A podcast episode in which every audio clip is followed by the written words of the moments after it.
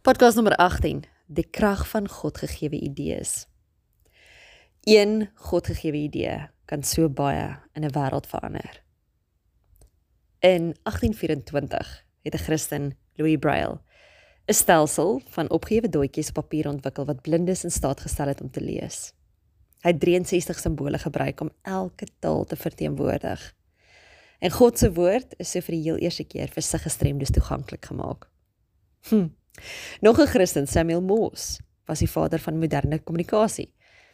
Dink geraan, hoe anders was die wêreld nie voor telekommunikasie nie. Belangrike nuus het weke en maande of selfs jare geneem om te versprei, maar Morse het baie met televerbinding geëksperimenteer en eendag het 'n vriend vir hom gevra: "Morse, het jy al ooit gevoel of jy jouself teen 'n muur vasgeloop het?"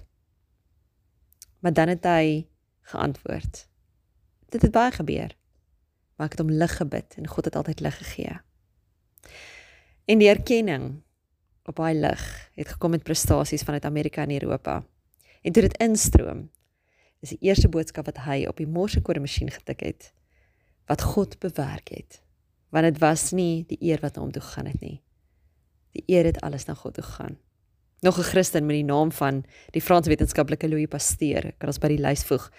Hy het getoon dat infeksie deur onsigbare organismes of bakterieë veroorsaak word en sy steriliseringsmetode het uiteindelik die lewens van ontelbare mense gered. In die boek In What the World Owes to Christians vertel Dr. Victor Pierce die verhaal van die ontstaan van die tikmasjien. Dis ook deur 'n Christen, Christopher Scholes ontwikkel om en hoor hoe interessant is dit, besige predikante te help om hulle preke makliker te skryf. Charles was bekommerd oor sy leraar wat gedurende die week so besig was met besoeke aan slagoffers van epidemies, vertroosting van naasbestaandes en in begrafnisse te doen dat hy skaars kon tyd kry om sy Sondagpreke te skryf.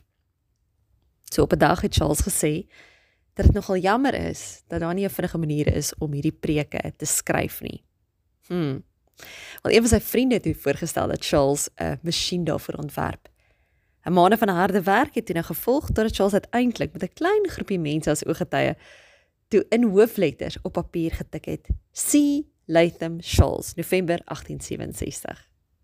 Nou 6 jaar later in Remingtons, dis mos die bekende tikmasjienvervaardigers. Hulle het besef dat die tikmasjien die sakebedryf totaal kon hervorm.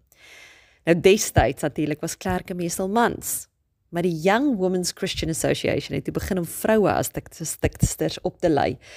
En Dit het natuurlik 'n skandaal veroorsaak, maar aangesien vrouens die eerste opgeleide tiksters was, was daar stormloop om hulle dienste te bekom.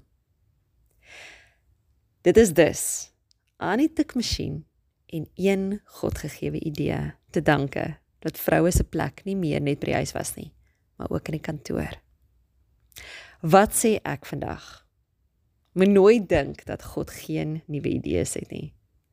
Miskien is dit tyd dat jy hom vra vir 'n idee vir jou lewe, jou bediening en jou sakeonderneming. En dan vra ons, mag 'n mens man God vra om jou sakeonderneming te seën? Inderdaad. God wil dat jou onderneming slaag sodat jy in sy onderneming kan help bou.